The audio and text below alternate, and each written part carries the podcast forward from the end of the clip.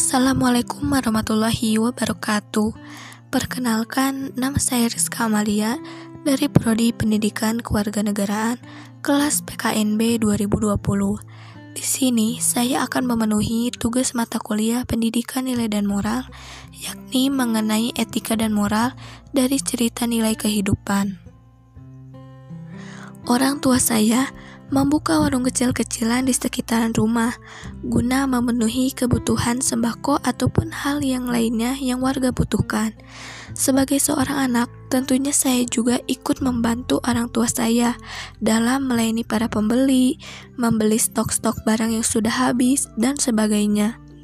Tentu saja, saya sudah merasakan asam manis di dunia perwarungan. Banyak sekali karakter yang saya temui dari para pembeli itu semua menuntut uh, saya dan keluarga saya untuk berperilaku sabar, bersikap ramah, sopan, santun, tidak menyebarkan gosip-gosip yang biasanya eh, ibu-ibu uh, lakukan.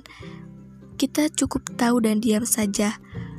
Pokoknya bagaimana caranya kita harus berperilaku baik dalam menghadapi para pembeli yang memiliki karakter berbeda-beda. Suatu hari, datang seorang pembeli, sebut saja pembeli A. Pembeli A ini terbilang kurang mampu dalam ekonominya. Dia datang seperti biasanya, yang ia ia selalu mengucapkan salam jika datang ke warung kami dan selalu bertutur kata sopan dan ramah. Lalu ia meminta izin kepada ibuku, apakah dia boleh berhutang lagi?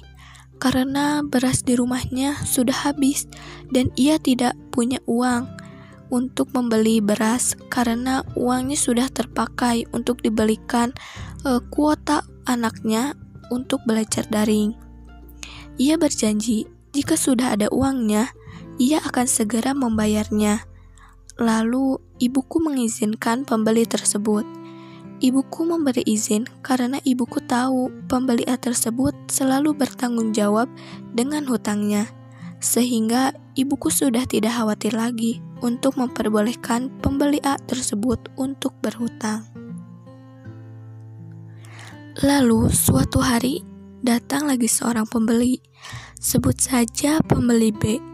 Pembeli B ini tipe pembeli yang seolah-olah akan membayar semua barang yang dibelinya, padahal ujung-ujungnya ngutang.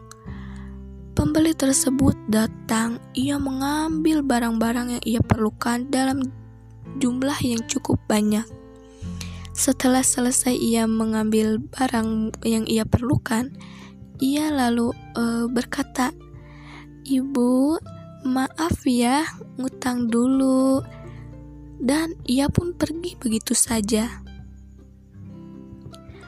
Pembeli B ini memang gemar sekali berhutang, tak hanya kepada warung kami, tetapi di warung-warung lainnya.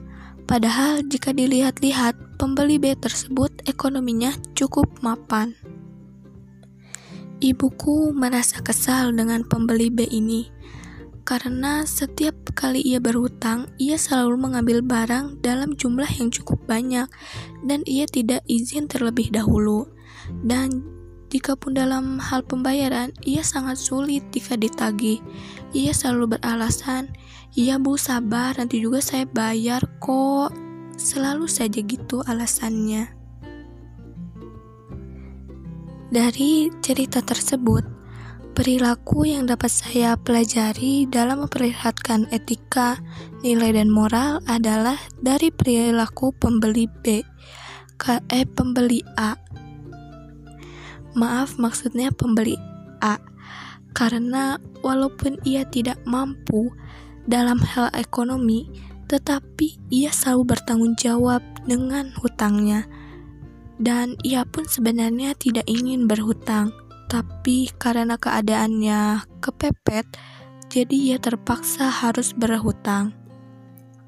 Dan ia juga setiap datang ke warung saya, ia pun selalu berperilaku ramah, santun, selalu mengucapkan salam terlebih dahulu. Dan jika ingin berhutang, ia selalu meminta izin kepada ibuku. Sebenarnya banyak sekali perilaku yang bisa saya pelajari dari tiap-tiap pembeli.